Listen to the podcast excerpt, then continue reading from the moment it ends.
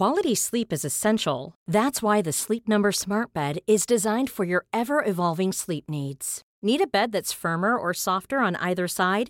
Helps you sleep at a comfortable temperature? Sleep Number Smart Beds let you individualize your comfort so you sleep better together. JD Power ranks Sleep Number number 1 in customer satisfaction with mattresses purchased in-store. And now save 40% on the Sleep Number limited edition Smart Bed for a limited time. For JD Power 2023 award information, visit jdpower.com/awards. Only at Sleep Number stores or sleepnumber.com. Fan vad bra du sköter det här Andreas. Jag, du ska fan få uh, babbla vidare. Jag bara ute och flummar med det. Men jag går med micken i alla fall. Det, är, det kan jag.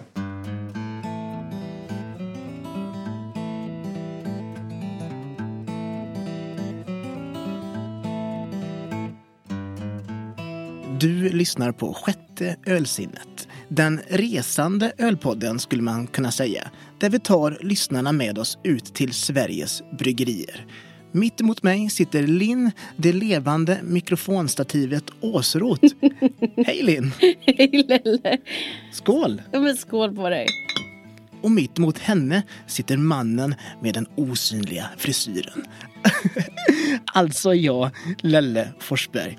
Jag vet inte var du sitter, men förhoppningsvis sitter du framför en vedeldad kamin med ett par feta hörlurar runt skallen och en välsmakande Vega Azalea Lager i handen. Snyggt där Lelle! Det var lite vitsigt. Ja, och i detta avsnitt ska vi faktiskt till eh, Vega Bryggeri i Göteborg. Men först kanske vi ska ta tillfället i akt och tacka alla er som följer och stöttar oss på sociala medier och ger oss både ris och ros. Det är alltid uppskattat med lite feedback. Och att det är så många av er som är med i våra tävlingar på Instagram, det är otroligt roligt att se. Det kommer löna sig den här veckan när man får både en keps och en snygg sweatshirt från Vega Bryggeri. Mm, verkligen riktigt snygga är de. Jag hade nästan velat behålla dem själv. Men glöm nu inte att eh, följa oss på Instagram och eh, skicka tips och idéer på bryggerier vi ska besöka eller eh, äventyr som vi ska hitta på. Och tagga oss i dina ölrelaterade äventyr. Vi vill ju även se vad ni pysslar med på dagarna. Ja, det värmer verkligen i höstmörkret att vi får så mycket fin respons från våra lyssnare och följare. Men nu ska vi lämna höstmörkret och resa tillbaka i tiden till när vi en solig dag bestämde oss för att skippa beachen och istället hälsa på Vega Bryggeri. Skippa beachen är det bara du som gör i september. Man kan bada året om. Smaken är som baken eller? Och vi ska ju få följa med Ulf Andreas, Vegas stjärnbryggare som guidar oss genom hela bryggprocessen från malt till öl in i minsta detalj. Och några andra som kan det där med bryggkonst in i minsta detalj, det är maltmagnus.se vår sponsor som med stort tålamod hjälper oss igenom säsongen. Vi kommer höra mer från maltmagnus.se senare. För nu tycker jag att vi gör Andreas och Ulf sällskap. Eller vad säger du Linn? Du, sakta i backarna lite nu Lelle. Innan vi får hänga med Ulf och Andreas ska vi unna oss ett gött snack med Vegas säljansvariga. Mannen med det legendariska namnet Carl von Spreti. Som har ett och annat att dela med sig av.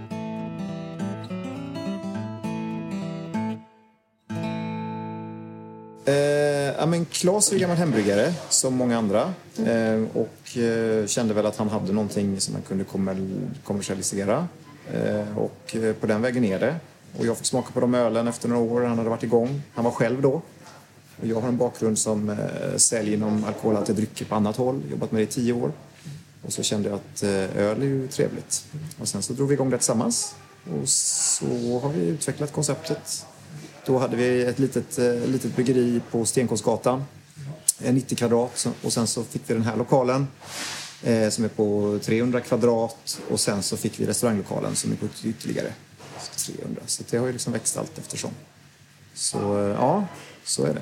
Hur, hur länge var ni bara två? Vi var två i ett år ungefär. Sen kom Otto hit, Otto Asklid som var eh, bryggare tillsammans med Olle Eh, på Stigberget. Eh, de var ju två huvudbryggarna där, eller Olle var huvudbryggare och eh, Otto var väl andre bryggare. Så Otte kom hit. Och sen efter det så anställde vi en kille som heter Magnus Vasilis som har, eh, var jätteduktig hembryggare också, vunnit SM massa gånger och är superkunnig. Så de två tillsammans körde i ett ja, fyratal år. Och sen så blev båda de headhuntade till Systembolagets nya butik i Ölstudion i Göteborg. Så båda gick samtidigt. Så då fick vi tänka om lite och då hade vi ju Ulf eh, som ni har pratat med som var våran eh, han var våran, eh, han gjorde sin praktik här men har ju verkligen visat framfötterna och är superduktig. Så tog vi in honom och så tillsammans med Andreas då som tog över stafettpinnen. Så det är en ny generation eh, bryggare. Ja men verkligen, ja men så är det ju. Och sen förvaltar vi ju det vi har haft men eh, liksom eh, får det med en liten ny take. Så att, ja, så är det. Men hur kommer det sig att ni valde just alltså Vega och Vegas uttryckssätt kan man väl säga? Menar du namn och eh, profil och sådär? Exakt, liksom? Ja. och liksom just den här grafiska profilen. Ja, men precis. Vi har ju... Eh, vi satte konceptet med en, en lokal designer. Eh, och vi, vi gillar ju Tintin, vi gillar det här lekfulla, liksom den här typen av estetik. Och sen så var det ju ingen direkt som hade satt, liksom tagit hela det här Göteborgsmaneret eh, än, när vi, när vi började. Liksom. Så vi, vi tog det, vi ligger ju vid vattnet. Vi har ju våran... Det är ju det vi ser när vi åker hit och det är det vi ser när vi går utanför dörren. Och, båtarna. Vi har ju liksom Göteborgs äldsta varv eh, i våran granne. Det sista varvet som fortfarande är aktivt. Alltså vi har ju hela den här maritima sjöhistorien liksom eh, i våran, våran själ. Så det var ju ganska givet att det blev så. Sen var det ju tur att ingen annan hade tagit det. Så att, eh, Om vi går in lite mer på lokalerna. Vad har du varit här innan? Och Här inne har det ju varit, eh, för det första har varit en gammal konservfabrik. Eh, har det varit en gång i tiden. Och efter det så har det varit ett klädeslager för, eh, för alltså kläder som ska skickas till eh, u-länder. Och efter det har det varit ett finsnickeri. Och sen blev det ett byggeri. Så är den här lokalen. I vår restauranglokal har det varit en gammal eh, verkstad som, är, som har renoverat bilar.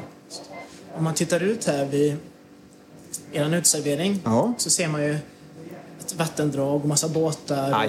Och skulle du kunna beskriva eh, för någon som inte varit här hur det ser ut där? För det är ändå en speciell atmosfär. Ja men verkligen. Det är ju ett industriområde där, liksom inte, där det liksom inte har renoverats allt för mycket. Och det är ganska oidentifierat. Alltså man har ju en skön blandning av verksamheter. Ja, vi brukar ju ofta säga att det är liksom eh, Göteborgs Berlin eller Göteborgs Brooklyn eller vad man nu ska kalla det. Det är liksom den känslan. Ganska skitigt, rough, mycket liksom sinusplåtsbyggnader med, blandat med husbåtar, eh, många... Eh, ja, men det, det, det är ett häftigt område, väldigt kreativ miljö. Eh, och vi känner ju det, hyrorna är fortfarande hyfsat låga och marken är så pass, eh, vad heter det, Förorenade. förorenad så ingen vågar bygga hus för det blir för dyrt att sanera. Så det blir ju, då drar ju till sig en viss typ av verksamheter. Ni är inte oroliga för gentrifiering av det här området i framtiden? Nej, alltså vi, vi har ju arrende... Vi, fastighetsägarna här hyr ju av Göteborgs stad. Arrendet tror jag går ut eh, runt 2050. Och eh, som sagt, ska du bygga nytt här då har du ganska stora krav på att san- sanera. Och i och med att det har varit gammal varvsmiljö så eh, då kostar det nog fyra gånger så mycket som huset kostar bara att sanera marken. Så att jag tror inte att det kommer bli det, inte så här nära vattnet i alla fall. Så, eh, och, och, och, vi har även ett, ett, en, liksom en lokal intresseorganisation som heter Saltet som jobbar jättemycket med Göteborgs kommun och Göteborgs stad just för att liksom bevara detta. Göteborg har gjort misstaget att liksom riva och bygga bostäder förut och då får man en ganska tråkig död stadsdel med, med liksom restauranger utan någon liksom själ och, och butiker utan någon själ utan här har du ju liksom, man kan bara dra ett exempel, vi har vi har liksom eh, eh, designers som gör helt galna kläder, vi har konstnärskollektiv, vi har bryggerier, vi har musikstudios, vi har bokningsbolag. Vi har, alltså vet, det finns så himla mycket häftiga, blandat med metallverkstäder, eh, bilfirmor. Alltså, det är en skithäftig miljö och jag tror verkligen att eh, de vill ha kvar det. Eh, I alla fall göra ett eh, försök. Ni gör mycket här. Förutom att brygga, kan du berätta kring eh, om vad, vad som sker här i er verksamhet som inte är just bara bryggning utav öl? Ja, alltså dels så vill vi ha en arbetsplats som är kul. Eh, det är ju det viktigaste, att alla har roligt. Och eh, vi, vi har ju en lokal, eh, en restauranglokal som rymmer 300 personer. Och vi ville gärna göra en, en konsertlokal av det som, som fyller det här mellantinget. Alltså det blir inte fritidsgården och det blir inte Pustervik utan det blir det där mittemellan. För de här banden som kanske precis har blivit lite större och som är på väg ut. Då är 300 personer ganska bra eh, bra eh, det, storlek. Och vi alla gillar musik. Eh, vi skriver mycket om musik på etiketter. Vi, eh, vi tycker det är roligt. Så att det är liksom en... Eh, det är någonting som vi gör själva mycket för att det, ja, det ger oss mycket energi. Så att eh, musik, quiz, eh, uppträdanden, eh, live, eh, föreläsningar, vi har företagsevent, konferenser. Eh, ja, vi gör ju allt möjligt här. När gick ni från bara ett bryggeri till eh, restaurang och evenemang och... Vi har ju alltid haft, eh, vi har ju alltid haft någon form av liksom, eh, smakbar har vi haft här sedan vi kom hit. Då ansökte vi om ett smakbarstillstånd. Och då får du servera en viss mängd eh, och en viss antal enheter till varje person. Men det blir ju rätt omständigt. Så vi var ganska klara med att så fort vi får chansen så kommer vi söka ett permanent tillstånd. Eh, för då blir allting mycket enklare. Eh, och när vi fick grannlokalen eh, då var det liksom ja, det kanske var något år tidigare än vad vi hade tänkt, men när vi fick den så sa ja, men då kör vi. Så byggde vi om den och sen så sökte vi ett riktigt stadigvarande tillstånd och sen så var vi igång. Så att det var väl egentligen vi... Restaurangen, riktiga restaurangen öppnade lagom till att coronan släckte ner allting. Ganska precis. Så vi hann väl knappt köra igång det innan vi stängde liksom. Och sen så har vi haft som sagt då alla de här verksamheterna runt omkring oss som har varit jättesupportive. Så vi har faktiskt haft uppe lunch hela coronaåret. Vilket har funkat jättebra. Så det har liksom lite tagit hand om de här rörliga kostnaderna. Eller liksom de pengarna som måste in. Och sen nu när det öppnade upp i somras så um, då gasade vi på ordentligt och då har det ju varit, eh, vi har ju haft fullt fredag, lördagar hela sommaren. Och eh, ja, vi har fullt efter också. Så att, eh, nu kör vi på som vanligt. All den här eh, kransverksamheten, Ja, är det, är det bara för att det är lustfyllt, ni gillar musik, ni vill ha folk, eller är det också lite... Det finns ju en ja men absolut. PR-vinkel i det också. Ja men så är det ju verkligen. Och efter- eftersom vi inte får sälja egen öl, eh, visst det är ju en jättebra eh, businessmässigt så är det ju bra för att vi säljer ju öl till oss själva. Och marknadsföringsmässigt så är det jättebra för att vi får ut våra produkter. Vi kan även testa våra produkter på publik innan vi släpper. Det finns ju många aspekter i detta, såklart. Men, eh, men, men så det är en ja, symbios av både ekonomi, att det är roligt och att man eh, får visa upp sig. Absolut. Kan du nämna några artister som stått på scenen där? Ja, nu är det inte jag som är bokningsansvarig här. Eh, men vi hade till exempel i helgen så hade vi ju... För, förra helgen hade vi Viruspojkarna till exempel. Det är ju Augustifamiljen och, och deras eh, crew. Lite sådär Håkan-folk tror jag, om inte jag tänker fel. Sen har vi haft eh, jul... Jul... Eh, sång med Andreas Weise och Hanna Lindblad. Sen har vi haft... ehm, ja, vi har allt möjligt. Så länge det är kvalitet så är vi öppna för det mesta. Sådär, så att, eh, absolut. Vad kan du berätta om ert sortiment? Vårt sortiment eh, är... Vad ska jag säga om det då? Vi gör, vi har gjort, länge har vi gjort väldigt klassisk öl. Vi gillar ju öl som smakar öl, inte öl som smakar något annat. Så det har varit under många, många år vår liksom, eh, take på det. Nu har vi eh, börjat experimentera mer. Vi har börjat göra suröl, vi har börjat göra New England IPer, vi har börjat göra allt möjligt. Och sen har vi även den här sidoverksamheten med läsken. Vi samarbetar med Gbg Soda, eh, så där gör vi ju eh, läsk i, ett vuxnare, i en vuxnare take.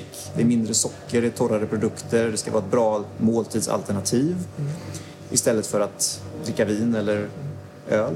Och sen, eh, så att vi, vi, och sen är vi väldigt stora på folköl. Under coronan fick vi ju tänka om så att då gjorde vi ju extremt mycket folköl. Bytte nästan hela våran restaurangförsäljning mot eh, dagligvaruhandel.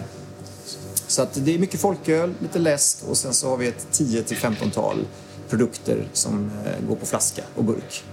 Hur säljer ni folkölet? Folkölet säljer vi via dagligvaruhandel. Eh, vi ligger nationellt på Lidl med två, tre produkter. Vi ligger lokalt skulle jag säga i de flesta Coop och Konsum eh, eller Coop och ICA-butikerna. Så att eh, vi säljer väldigt, väldigt mycket folköl för tillfället. Det, det, det var nödvändigt när eh, 70 procent av vår marknad försvann där i och med att vi var stora mot restaurang. Kommer ni fortsätta med det? Ja, men det gör vi absolut. Det, det är ju mer en kapacitetsfråga. Eh, att vi behöver växa eh, bryggerimässigt för att klara av allting. Eh, dels med bryggverk och dels med fler tankar. Men eh, det är ju en marknad som vi har har jobbat in så det är ju dumt att släppa den. Vad är nästa grej ni har i pipelinen? Är det ett julöl? Precis, vi släpper tre stycken julprodukter. Eh, I november kommer de. Det är eh, återkommande julartiklar, det är Winter, en Winter Stout, det är en Winter Ale och det är en Winter Lager. Och sen kommer i december en, eh, en öl som inte är satt namnet på än men vi kallar den eh, en Dra åt helvete Stout. Eh, och det, är- bra namn. det är bra namn, jag tror inte det går att få det igenom det bara. Men eh, det är arbetsnamnet. Så det kommer vara en riktigt tung stout som är en sån julklappsöl. Så, eh, och sen så blir det väl nya lanseringar i januari, nya lanseringar i februari och, och så on. Finns det någon fråga vi har missat? Något som våra lyssnare bör veta om Vega? Om Vega, vi är, det är en rolig anekdot är ju att vi faktiskt är det äldsta bryggeriet i Göteborg om man pratar till Göteborg som stad. Alla andra har flyttat utom Socknäs. Så vi är faktiskt det äldsta i kvarvarande. Även om vi inte var först. Nej. Nej, det kan vara kul. Ja, verkligen. Ja, det är spännande. Eh, fakta, vi brygger strax över 100 000 liter om året. Vi, eh, har strä, vi strävar åt att vara lokala.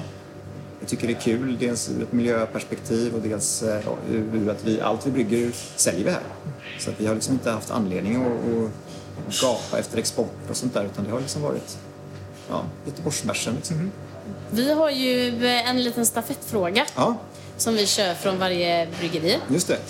Eh, så att här kommer Rocky Points... Eh, av era öl är mest nöjda med och varför? Okej, vilken av våra öl är vi mest nöjda med och varför? ja, Ja... Svår fråga.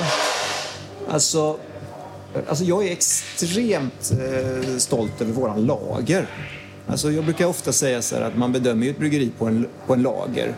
För att det, där känner man ju felsmaker och det, man kan inte dölja någonting med massa humle och, och, och dylikt. Utan det är väl ganska lätt att, att eh, se om någon är duktig på att brygga. Och våran lager är ju, det är ju den vi säljer absolut mest av. Både på fat och på, på flaska. Azalea lager, tysk pilsner. Den är jag stolt över. Det är den som buteljeras idag ja, så om ni har tur kanske ni får ett smakprov. I den här veckans avsnitt vill vår sponsor maltmagnus.se tillsammans med AIB upplysa er om produkter för att hålla din öl fräsch längre med produkter ur AIBs sortiment. Här är tre produkter som gör just det. Mix Acid CL rekommenderas för justering av pH-värdet i mäsken, precis som man gör med klassisk mjölksyra. Men den här har fler viktiga egenskaper som till exempel att den förbättrar det färdiga ölets livslängd och färskhet utan att det påverkar smaken. Mix Acid CL är en blandning av citronsyra och mjölksyra och tillsätts direkt i mäsken. Antioxin SBT är en ny generations antioxidationsmedel som är speciellt designad för behandling av malt och omältat spannmål.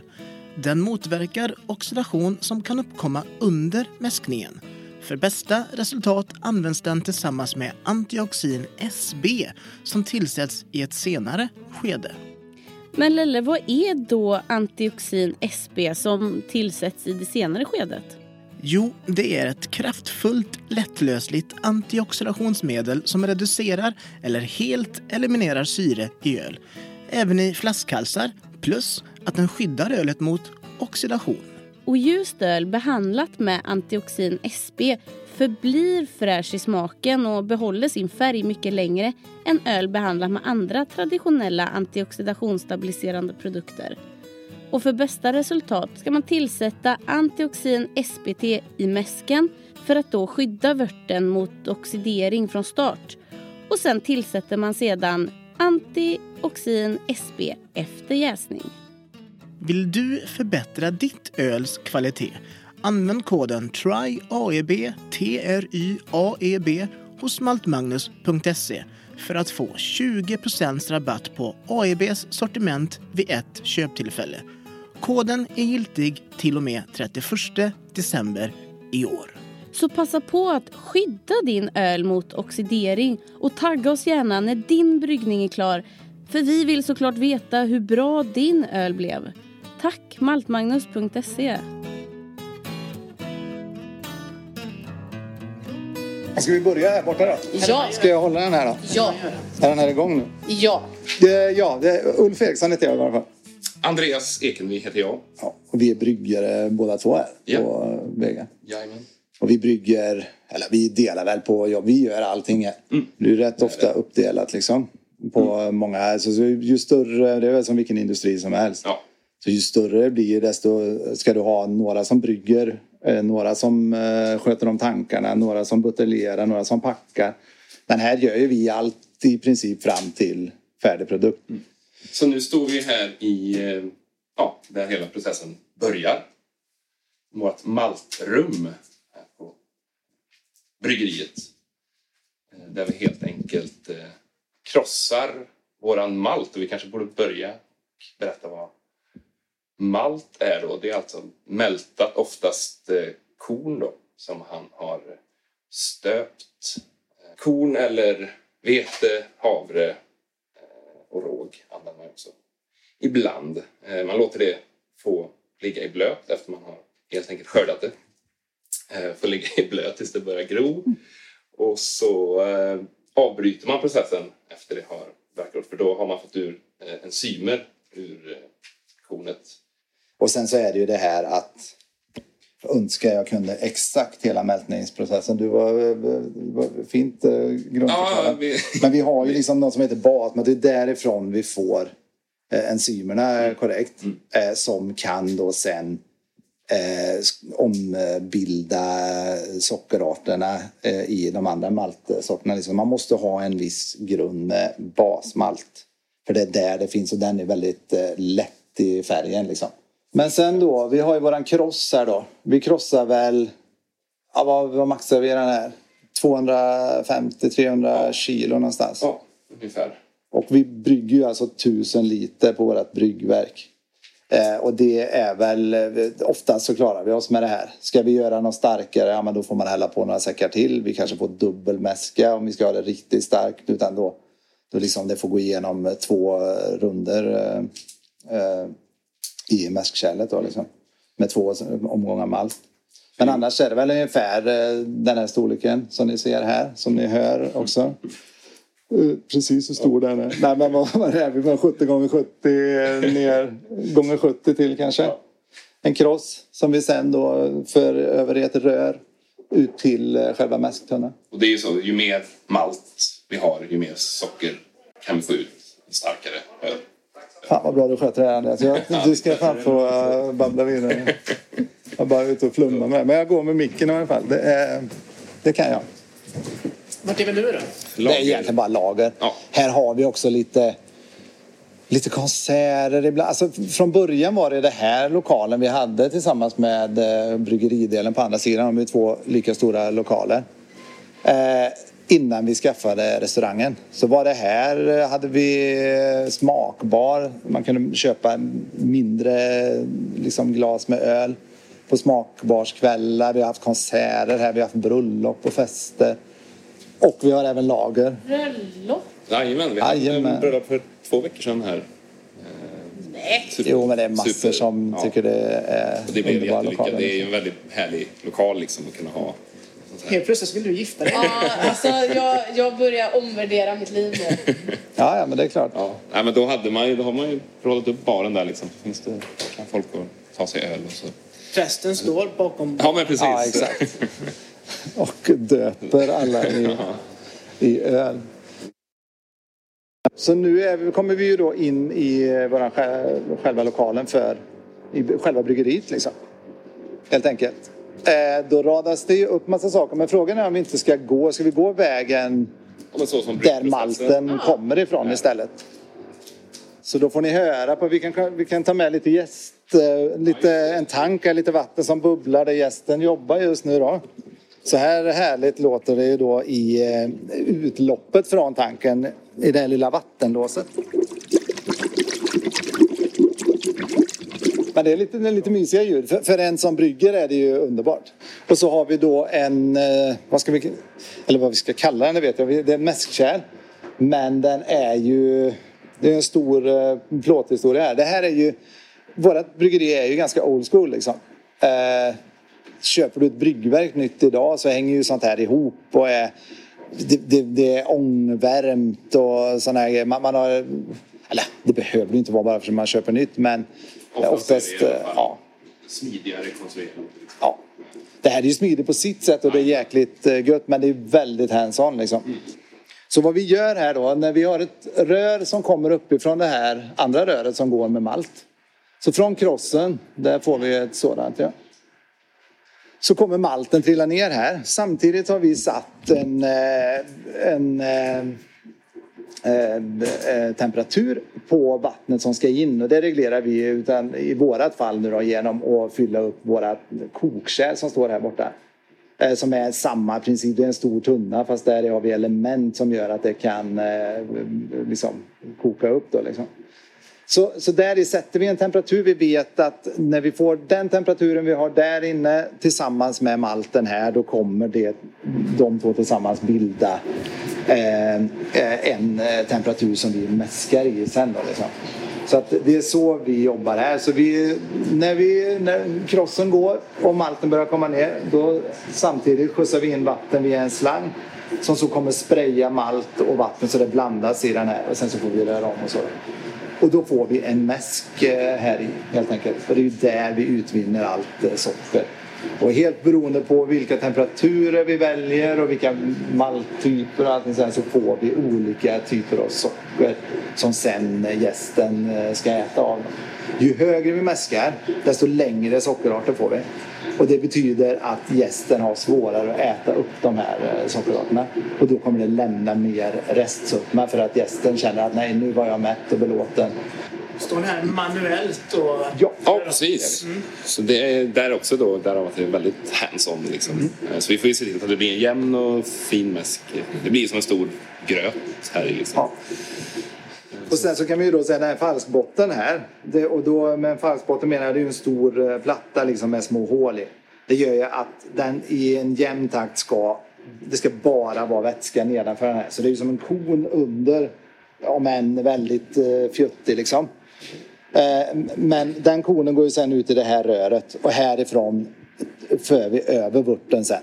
Vi, ofta så cirkulerar vi vörten här också.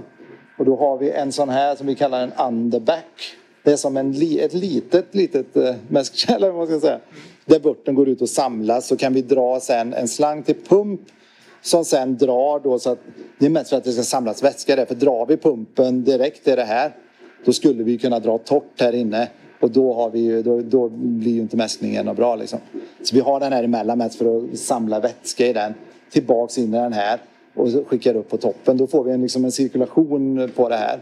Och många av våra vörter, särskilt när vi vill ha det så rent och snyggt som möjligt, en lager eller sådär. Då cirkulerar vi ju i princip hela mäskningen. Ja.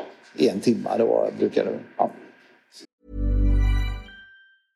Quality sleep is essential. That's why the Sleep Number Smart Bed is designed for your ever evolving sleep needs. Need a bed that's firmer or softer on either side? Helps you sleep at a comfortable temperature? Sleep Number Smart Beds let you individualize your comfort so you sleep better together. JD Power ranks Sleep Number number 1 in customer satisfaction with mattresses purchased in-store. And now save 40% on the Sleep Number limited edition Smart Bed for a limited time. For JD Power 2023 award information, visit jdpower.com/awards. Only at Sleep Number stores or sleepnumber.com. There's never been a faster or easier way to start your weight loss journey than with PlushCare. PlushCare accepts most insurance plans and gives you online access to board-certified physicians who can prescribe FDA-approved weight loss medications like Wigovi and Zepbound for those who qualify. Take charge of your health and speak with a board-certified physician about a weight loss plan that's right for you. Get started today at plushcare.com slash weight loss. That's plushcare.com slash weight loss. plushcare.com slash weight loss.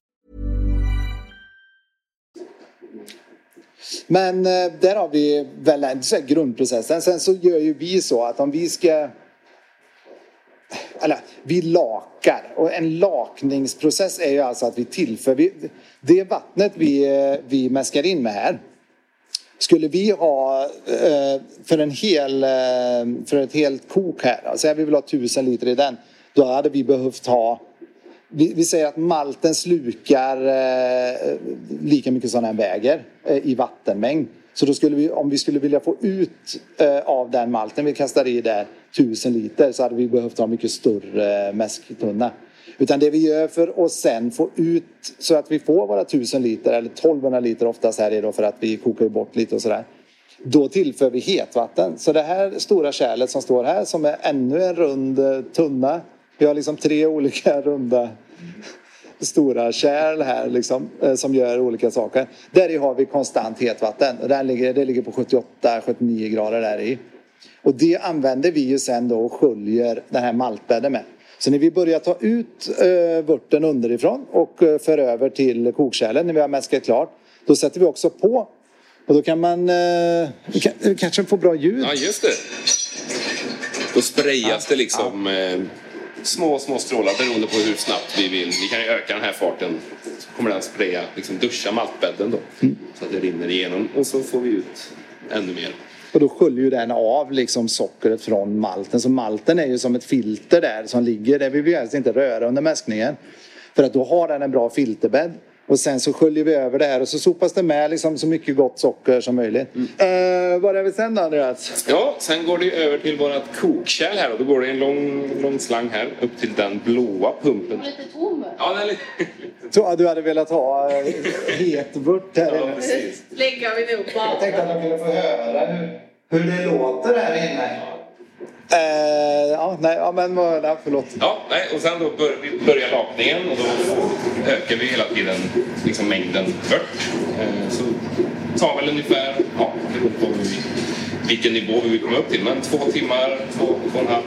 Eh, så har vi ett litet, eh, vi ser liksom vilken volym vi har här. Eh, så vet vi när vi kan, ska stoppa. Så här, här uppe är vi på 1200 liter. Det har vi mätt upp. Alltså en slang då kan jag ju bara Ja, säga för de precis. som inte ser det Så här. vi, så vi ser hur mycket vi har fått upp helt enkelt. Eh, och sen eh, stoppar vi lakningen. Eh, det som är kvar i mäsktunnan då kallas för drav. För då har vi helt enkelt fått ut alla, eller det, den sockermängden vi vill få ut och den mängden bört vi, vi behöver. Sen släpper vi liksom den delen med dravet och allting så då fokuserar vi på vårt kok här då. Och då sätter vi på elementen helt enkelt, eller det gör vi när vi har kommit över en viss nivå så att de står och värmer hela tiden. Så man inte, det tar ganska lång tid för det här, just det här kokkärlet att komma upp i, i kok. Eh, andra bryggverk och sådär som är lite nyare kanske använder ånga och då går det snabbare att få, få upp i kok. Jag kan säga att det är en dag. En, en, en bryggning är en dag för oss. Ja. Liksom. En, en arbetsdag, åtta timmar ungefär. Liksom. Från Sen att vi liksom krossar malt till att Ja. vörten är i, i tank. Så. Och sen kommer ju allt arbete efter med själva bryggdagen. och sen då när vi har fått upp kok så kokar vi i en timme. Och här då tillsätter vi våran humle som är för att ge olika karaktär på, på ölet. I samma kärl. Ja, precis. Och att vi, vi kokar ölet är ju lite olika parametrar. Det är dels för att liksom desinficera hela vörten eh, för att kunna få, få humlen som är humlepellets att kunna lösas upp i, i, i vörten och även få koka ur eventuella felsmaker som kan dyka upp om man inte kokar ordentligt. Ehm, så det är väldigt viktigt att man får ett bra, bra kok. Liksom. Eh, så det har vi koll på så fort. Ja, men nu har vi uppe i 100 grader eller så när vi har kok, koknivå. Eh, så sätter vi klockan på en timme så vet vi att vi har ett bra, ett bra kok. Och så är det olika steg vi tillsätter humle. Eh, antingen i början, slutet eller i mitten. Och det är helt beroende på vilken stil av öl vi gör. Till exempel som vi gjorde igår här, New England-IPA, då har vi nästan ingen, vi har ingenting i, i koket för att vi vill ha så lite beska som möjligt. Ju tidigare man har i det, mer bäs- beska kommer ut ur humlen liksom. Då tillsätter vi det, det allra, allra sista. vi gör.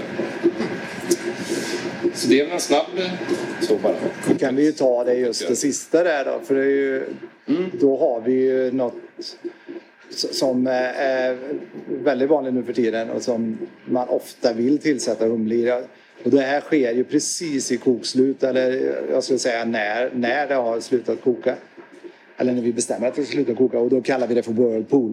Och det är alltså som en, vi, vi har under, om ni ser här, det här kärlet så står det en pump liksom. Där har du flera armar som går åt olika håll. Men den ena armen här vid sidan går upp hit till en sipp som man kan rengöra. En sipp är alltså en kula med små hål i som sprayar ut sig eh, liksom vätskan som den får. Och det är ju bara för rengöring. Liksom. Det använder vi ju aldrig i annat eh, fall. Men vi har också den här trevägsventilen som går in till det här röret här. Och som ni ser här inne då så är det som en liten böj in. Så när den här pumpen pumpar och vi väljer att säga till den att nu ska du vara, eh, nu ska vörten gå tillbaks in här. Då skapas en virvel i den här. Och i det läget, där är vi, där är vi ju väldigt förtjusta i varje fall i humlegivorna där. För det ger, det ger, det är ju naturligtvis beska så fort det hamnar i koket så är det, men det ger också andra typer av smaker eh, från humlen. Alltså helt beroende på när vi tillsätter humlen så kommer det ge olika typer av eh, smaker liksom. Eh, och just whirlpoolgivaren ger trevliga fruktiga smaker samtidigt som det, man får den här lite, lite beska nu och sådär. Ja. Och många av de här sakerna bara, får- man bara köttar på. Nu när man gör det så här, hade jag haft, bara haft ett eh, ett bord att stå vid och trycka på olika knappar så hade jag väl inte haft samma känsla riktigt av vad som exakt händer. Där. Vilken ventil öppnar jag nu? Jag vet att den här knappen trycker jag på när jag ska föra över dit. Vi vet ju exakt. Jag ser ju på varenda ventil jag drar i här att nu är den öppen, alltså betyder det att vörten går ditåt. Nu är det tryck i tanken där, jag öppnar den där, ja men då betyder det att trycket åker åt det hållet. Alla sådana här grejer. Det är ganska eh, nyttigt också. Ja, men det blir ha lite på. man får ännu mer liksom känsla för produkten. Är Sen är det säkert fantastiskt att stå vid ett fantastiskt bryggverk som du kan eh, liksom parera in i minsta detalj. Vi, eh, vi höftar ju inte men vi får ju vi sätter ju en temperatur här inne för att ska in med. Och så får man tänka att i januari, ja men då är nog vattnet som står längst ner här lite kallare. Så då kanske vi ska sätta en grad till för att eh, få den här blandningen att bli den temperaturen. Sånt kanske man slipper mer i ett bryggverk där du har bättre kontroll. Men det är också lite av skärmen kan jag tycka. Vi, eh, men eh, ja, vi, kan, vi kan fortsätta stå här då. När vi då är eh, klara i varje fall. Det har lugnat ner sig. Vi har en vört där i som är runt 90 grader kanske. Vi märker att ja, men nu står det stilla här. Då vill vi ta ut det. Så vi tar det ur det hålet som går till en liten... Eh, eller, ja, ett litet rör under där. Vi drar ut det här återigen och så pumpar vi det genom våran plattvärmeväxlare. Och den här är ju det som kyler vörten. För hade vi pumpat in det här på 90 grader i en tank så kan det ju stå där ett tag innan vi kan tillsätta någon gäst. eh, Om man inte vill att gästen ska må helt uruselt. Så det här är ju he- helt och hållet nödvändigt. Vi försöker kyla ner den här till den temperaturen som vi sen vill att gästen ska börja jäsa på. Eller som vi vill att gästen i varje fall ska hamna i när, vi, när den är i tank. Då. Vi vill skapa den bästa miljön för gästen att kunna arbeta i. Liksom. Så då, beroende på vad vi gör för öl också, olika temperaturer vi jobbar med. Och då kan vi styra det med våra plattvärmeväxlare här då. Eh, Som ser ut lite som, eh, vad ska man säga? Ja, just det. Miljöbeskrivningen. En miljöbeskrivning. Ja, men Som ett element, ett stort, precis, ett stort element kanske med... Ja, och ju snabbare vi kör desto kallare kan vörten bli och sådär. Men då... Tvärtom. Annars var du helt rätt. Ja, tvärtom. Precis. Ju snabbare, då eh, varmare blir det. Ta med det. Och så, ja precis, så styr vi till den, den temperaturen vi vill, vill ha. Och sen den temperaturen håller ni sen resten av processen. Nej, inte nödvändigtvis. Det beror på vi kan ju... Det, är så här, det, det, det är ju lurigt där nu. Vi har ju alltså haft eh, grundvatten in liksom som har legat på 21-22 grader här i sommar. Eh, och eh, det betyder ju att hur långsamt vi än för igenom vörten så kan det ju inte bli kallare än de 21 graderna. Och då är det ju lite lurigt för att vi vill ju vi är ju nöjda och stolta över våra lager och den vill vi ska jäsa så kallt som bara gästen klarar av. Så vi har till och med tryckt ner det till 7 grader här liksom. Om ni tänker då att vi vill ha in, vi vill pitcha gäst då, eller alltså tillföra gästen till en vört som är på 7 grader men vi kan inte kyla det mer än 21 grader. Då blir det ju lite bökigt liksom. Sen så absolut under sommaren, så, skulle vi vänta tills den är 7 grader så får vi ta det nästa dygn eller nästa dag och det är ju inte aktuellt. Vi för kan att, ju sätta kylning på våra tankar. Då. Ja. Tankarna har ju kylspiraler som går i, i tankarna. Så så fort vi börjar överföra till tank så sätter vi ner kylan men det går inte så pass fort så att direkt är tanken nere på 7 grader. Liksom. Utan det tar ganska, ganska lång tid. Men då styr vi i varje fall. Vi styr ju tankarna sen då i temperatur. Det var ju det du var inne på. Och det var, var lite det jag menar är att vi, vi, en lager vill vi inte ska jäsa i 7 grader tills den har jäst ut. För då kommer det vara kämpigt, kämpigt, kämpigt. Men däremot i början vill vi att det ska gå så långsamt som möjligt. Det ska föröka sig lugnt och stilla. Vi pitchar enormt mycket lagerjäst. Så att det liksom inte ska vara några problem för den. Men det ska också gå långsamt. Och sen höjer vi den här successivt. Vi kanske höjer till 9 grader efter en tre dagar. Vi kanske höjer vidare till 11 och slutar någonstans uppe på 16 grader. Och låter det få ta sin eh, goda tid. Nu pratar jag om lager eh, just då liksom. Eh, och det sköter vi ju då genom att ni ser ju de här systemen som går upp i taket. Det är bara eh, rör som är, är isolerade. Eh, och de eh, skickar ju runt eh, ja, vatten och glykol är det väl? Mm, ja, att precis. Så det enda vi kan göra är stänga, alltså höja temperaturen på tanken så att gästen får arbeta upp temperaturen av sig själv. Vi kan inte ställa, ställa någon värme på tanken. Nej, utan får vi kan bara gästen. stänga av. Eh, Vi säger nej nu får du inte kyla mer. Nej. Och så får den gästen själv jobba. För gästen utsöndrar värme. Så att gästen själv eh, jobbar upp den eh, till den temperaturen. Då sätter vi ju till, nu får du bara jobba till 11 grader. Mm. Då gör jag det och sen några dagar efter, nu får du bara jäsa upp till 16 grader. Ja. Och det mäter vi ju olika eh, socker, sockervärden då, så när vi vet att men nu höjer vi lite till. Utan, så det går vi ju runt och mäter väldigt ofta. Det kallas ju OG och FG då som är Original Gravity och Final Gravity som är alltså socker, sockervärden. Vi får ett värde när vi har bryggt på bryggdagen och sen det sista får vi som ett Final Gravity då. Alltså, nu har du jäst ut så här mycket och då mellan de värdena så har vi ett, då vet vi vad alkoholhalten är. Och däremellan gör vi också de olika temperaturskillnaderna då, vad vi eventuellt gör och sådär. Sen är vi väl, för då har vi alltså en tom tank här som står och bara väntar. Och där kan vi också säga, det är ju en ganska stor del av vårt jobb. Vi städar saker. så att det verkligen. gäller ju att hålla det här rent. Den här måste vara först och främst rengjord och det använder vi lut till. Sen så vill vi också att den ska vara desinficerad. För här får det inte finnas någonting kvar. Vi vill inte ha gamla jästpartiklar eller bakterier eller något sånt där liksom. Eh, Så att den tanken vi då överför till den är desinficerad och eh, färdig och står där helt redo att föras över till. Så när vörten då har kokat sitt och man har kört Whirlpool och man har fått den eh, att lägga sig, då för vi över till den tanken. Och då har vi en, eh, en kallnad vört då, inne i tank som vi sen tillför jäst till. Det är det, det är första skedet och då vill vi att det ska börja jäsa där. Precis som den vi gick igenom, eh, eller gick förbi, för som bubblade så gott. För den står ju och jäser just nu då. Nu håller, den här kommer få hålla på tills vi, den är klar. Vi kommer kontrollera den på vissa olika sätt eh, tills den är färdigutjäst. Ett sätt till exempel som vi gör, eh, förutom att bara kontrollera temperaturen då, det är ju att vi spundar våra tankar, eller sprundar säger vissa. Jag har alltid Mm, ja, jag har sagt riktigt, vi har ändå varit i nej, branschen några Ja, år, men jag säger spunda, men jag har Ja, ingen spunda. aning exakt var det här kommer ifrån. Nej, Eh, spunda. Men, men spunda låter svincoolt Ja, tycker jag. Ja. Det gäller ju vi att slänga sig med coola begrepp i bryggbranschen. Men, eh, och det, det det handlar om är att då täpper vi till tanken. Vi säger till tanken att, alltså vi har ju Vi naturligtvis ska mätt. visa hur det ser ut när vi... Om vi eventuellt skulle nu är det alldeles för tidigt att spunda. Men om, vi, om några dagar kommer vi göra det.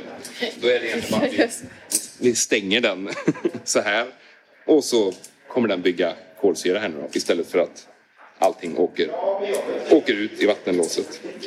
Så superenkelt. Ja. Nej, men det här gör vi ju för någonstans vill vi ju... Det ni hör i bakgrunden nu är Simon från Gbg Soda. Han har en sån jävla god och härlig röst. Vill du säga hej till eh, poddinspelningen? Den här snubben har ju bryggt eh, hemma sedan han föddes.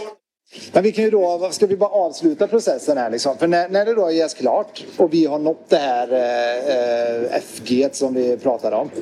Då, då, och det vill vi ha bra koll på. Vi vill ju inte att det ska finnas någonting som kan jäsa vidare i den här ölen sen.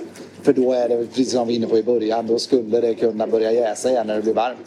Så det som sker är att vi, vi, har, nått, vi har oftast höjt temperaturen så att det verkligen ska få jäsa ut. Vi har några dagar där vi har sett att nu har den inte jäst mer. Då säger vi att ja, men nu har vi nått våra mål, nu är ölen klar. Eller nu är jäsningen klar i alla fall. Och då kallkraschar vi den här som heter. Då säger vi till bara eh, borta på vår panel att nu vill jag att tank 9 till exempel ska eh, rätt ner till 0,5 grader eller något sånt.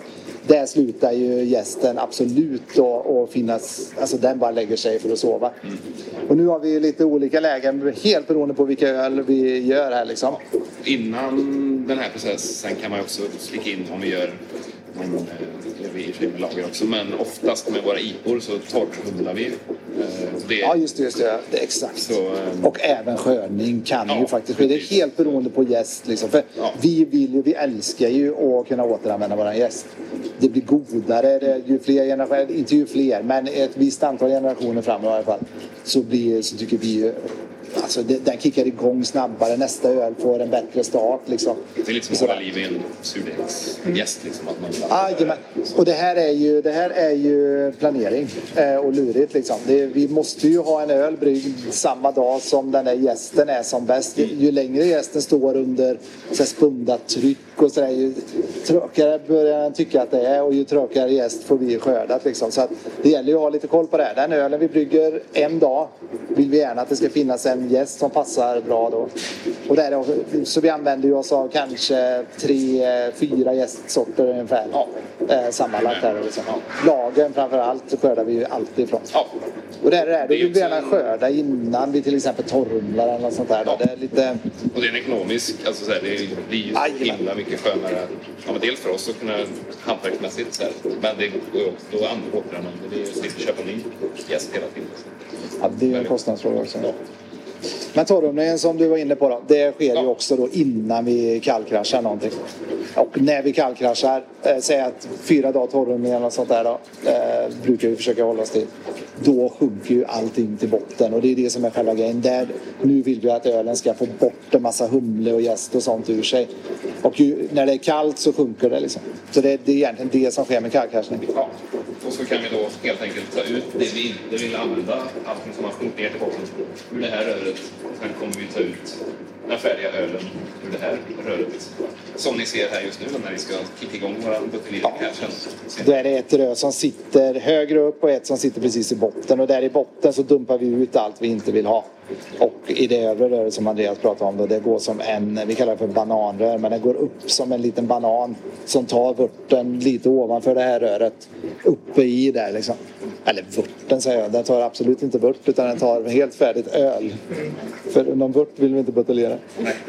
Och det är, har skiktats bara av sin egen tyngd. Eller Ja. Ja, precis. Tyngd, kylan, det drar ihop det. Sen så använder vi oss också av eh, klarningsmedel till de ölen som vi vill ha så klarar vi bara. En lager till exempel. Och då binder den ihop proteiner eh, som gör att de blir tyngre och så kan eh, åka ner. Och det här tar ju, det tar ju några dagar. Vi, vi, vi säger i varje fall att det är minst fyra dagar på att en klarning ska ha fungerat då med klarningsmedel. Men sen det viktigaste för att säga att vi, vi vill inte ha, du vill inte ha någon humle till exempel i suspensionen.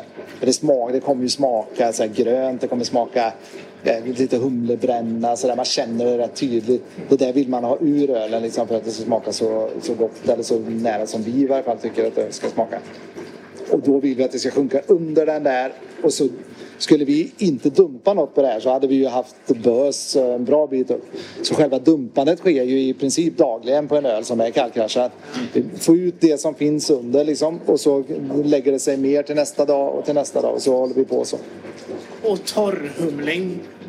Det kanske vi bara, tar, bara kastar oss med helt tar för givet. Men vad är det för någonting? Torrhumling är alltså då... då jajamän. Här Lilla humlekanonen som vi kallar det. Ser väl ut som en stor... Eh, det är så svårt att förklara. ser ut som en liten tank skulle du nästan kunna säga. Ja, faktiskt. Om ni ser där uppe så ser ni ju en eh, ventil som sitter som har eh, eh, precis samma storlek eh, på ventil som sitter på, på våran eh, humlekanoner. Då. Munstyckena matchar och så... Jajamän. Vad händer när ni har monterat den? Det, det som egentligen sker är att du skulle kunna öppna den här eh, och hälla i humle. Det, det är klart man kan göra. Och så gör man om man inte har en humlekanon eller om man inte har något annat sätt. Men det som, det som sker är att först och främst är det tryck där. Ska du få, skulle du släppa ut det trycket nu, den här har byggt kolsyra, så skulle du bara hälla i någonting här uppe, i det här fallet då humle. Då skulle humlen och kolsyran börja reagera. Och det är ju inte alls möjligt att få bara en fontän som står här. Precis som att hälla i en magnesyl i en Coca-Cola eller något sånt där. Ja, Liksom. det är väl en klassisk Ja, så. att det, bara, det sker en kemisk reaktion där. Det vill vi undvika, alltså använder vi oss av den här. Och det som den gör, vi fyller den här med humle. Eh, den är ju naturligtvis desinficerad och ren eh, när vi gör det. I med humle i den. Stänger igen där, sätter den, om ni tänker att vi vänder på den så den står med eh, botten uppåt där då. På två ventilerna mot varandra. Då har vi ju tryck i den här. Vi har kolsyra i den här, eller koldioxid eh, ovanför själva vörten som eh, är här uppe någonstans. Så vi har ju inget, för vi vill ju hålla det här så syrefritt som möjligt nu. Syre tar ju död på smaker i, i det här. Så att det är det sista vi vill ha in liksom. Därför är den här jäkligt bra. För det vi kan göra då är att vi öppnar lite grann rätt igenom. Så vi har den här lilla ventilen som ni ser här som går utifrån. Det är som eh, bara en liten ventil eh, med, med en kul, eh, kulventil liksom. Som går utifrån den här. Så har man öppet den vägen, man har öppet lite där, man har öppet lite där. Så kommer ju det trycket som är i tanken att färdas upp och skjutas ut genom där. På så sätt skjuter vi ut med koldioxid som finns i tanken skjuter vi bort syret som finns i den här. Vi kallar det att purga någonting liksom få ut syret, då är det alltså humle i den här samtidigt. Tills vi känner att ja, men nu luktar det koldioxid bara ut ur den här. Då är vi nöjda, då vet vi att vi har fått ut så mycket syre vi kan ur den. Då är det, stänger vi den ventilen så har vi ett jämntryck i hela det här. Då kan vi bara öppna och så rinner humlen ner. Så det, det är den principen. Lite lurigt att förstå kanske med, man förklarar det så här. Men... Nej, men jag är med. Vi, men, men, och vad gör det? Det gör att torrt humle ner i, i Jajamän. ölet. Mm. Och, Här vill vi ju helt enkelt utvinna liksom ännu mer potenta humlesmaker. Eh, liksom de fruktiga tonerna. Där också laborerar vi med vad det är för olika humlesorter vi det är en arbetar sista med. kryddning på något Ja, sätt. precis. För att få det ännu mer potent liksom. Så när ni känner så fruktigheter och sånt där i öl som är, är det är liksom torrhumlingen framför allt. Det kommer. Här, här får du ingen väska och sånt. Nej. Du kan ju få att det smakar grönt, du kan få det att smaka talligt. Sådana där eh, smaker. Helt beroende på vilken humle du väljer.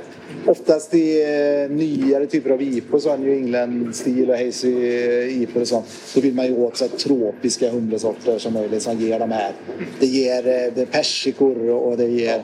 Och tillsammans då får man ju säga med gästen. För gästen i sig smakar ju ofta också. Ja, verkligen. Och det är ju vörten också. Men det är ju kombinationen av alltihop liksom. Så det är mycket amerikansk och ja, nyzeeländsk humle vi arbetar främst med. Ja.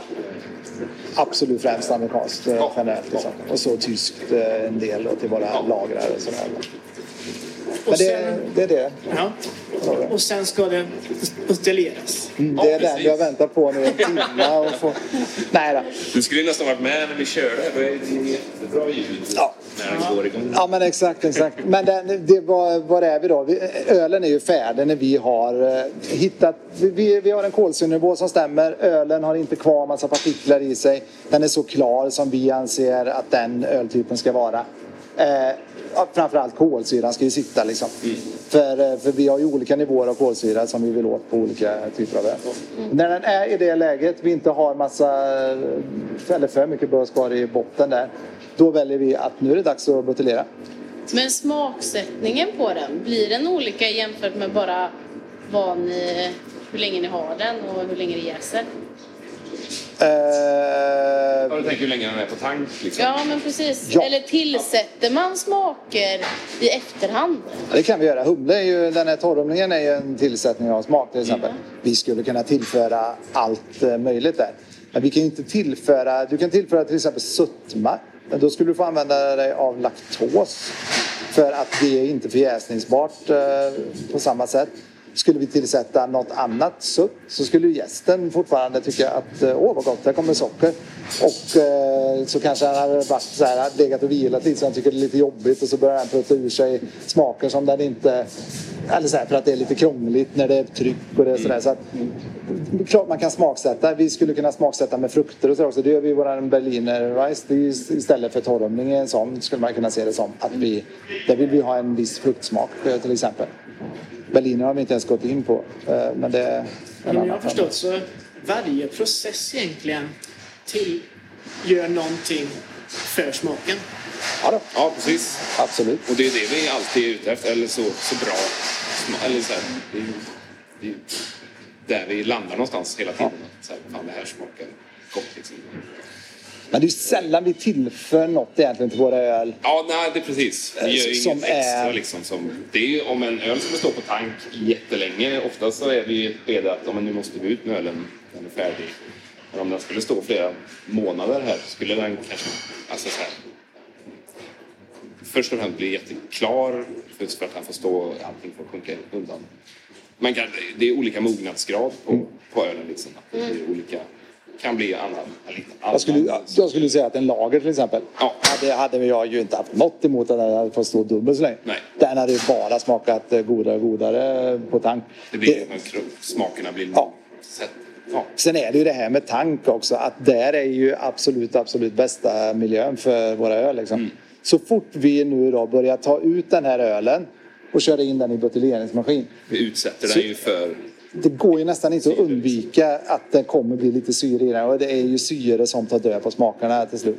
Så ju mindre syre vi kan få i en sån här flaska desto längre kommer den smaka gott och eh, ja, desto godare kommer den bli redan från start. Liksom. Så egentligen borde man dricka ölet rätt ur Ja, en sån tank. enbart Ja, ja. där. Vi vill ju ha ett bryggeri där, eller så, det vill väl alla bryggare egentligen, att man bara har från tank. Men vi har rätt bra, jag tycker fat, eh, fat håller Ja, bra. då- Där är sällan eh, någon risk för eh, Nej. syre. Och vi har ju en restaurang här ute där vi kan langa ut fat till. Och det är jätteskönt för där kan vi ju garantera men, produkten på ett annat sätt.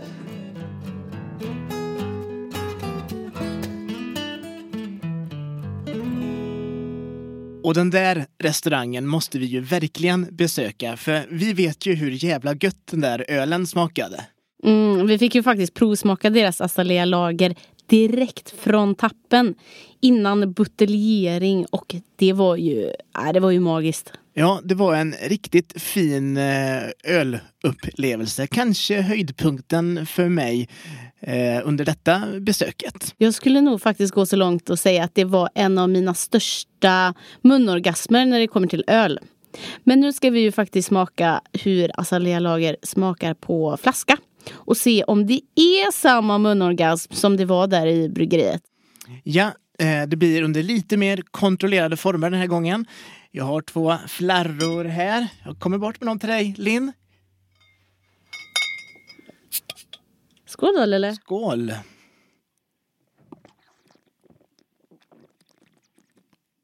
Alltså, still good though, men direkt från tappen. Där satt den ju, ja, det var ju... Det finns nog inget godare. Men då var vi ju där på plats. Vi var imponerade av Ulf och Andreas och hela gänget där. Så jag tänker att det fanns en viss psykologisk effekt också på den provsmakningen. Men om du försöker glömma den Linn och, och beskriva vad du upplever här och nu. Mm. Alltså, ja. Mm. Den är inte alls lika sådär gott kyld som den var då. Mm, men den smakar ju som en lager. Jag skulle vilja säga att det, den smakar som en klassisk lager. Um, ja, vad tycker du Lelle? Jag tycker den är jättegod. Uh, ingen munorgasm som för dig uh, när vi var nere i Göteborg, men bra nära. Jag skulle vilja drickan här till eh, grillat. Jag önskar att det var sommar och jag stod på eh, en tomt, grillade lite gött kött och hade ett gäng Azalea lager i en eh, kylbag. Mm. Ja, den är ju långt ifrån äcklig. Um, men jag tror att jag ska börja bara dricka min öl direkt från tapp. Och med det sagt så får väl vi tacka för att ni har eh, lyssnat ännu en vecka på dessa dårar. Och glöm för allt i världen inte att eh, gå in på Instagram där vi har en tävling såklart även denna veckan. Vi lottar ut både en sweatshirt och en keps från Vega Bryggeri. Så gå in på sjätte Olsinnet, inga prickar på någon som helst vokal och läs hur du lägger vantarna på denna feta merch. Skål! Skål! 哈，哈哈哈哈哈，呵呵呵。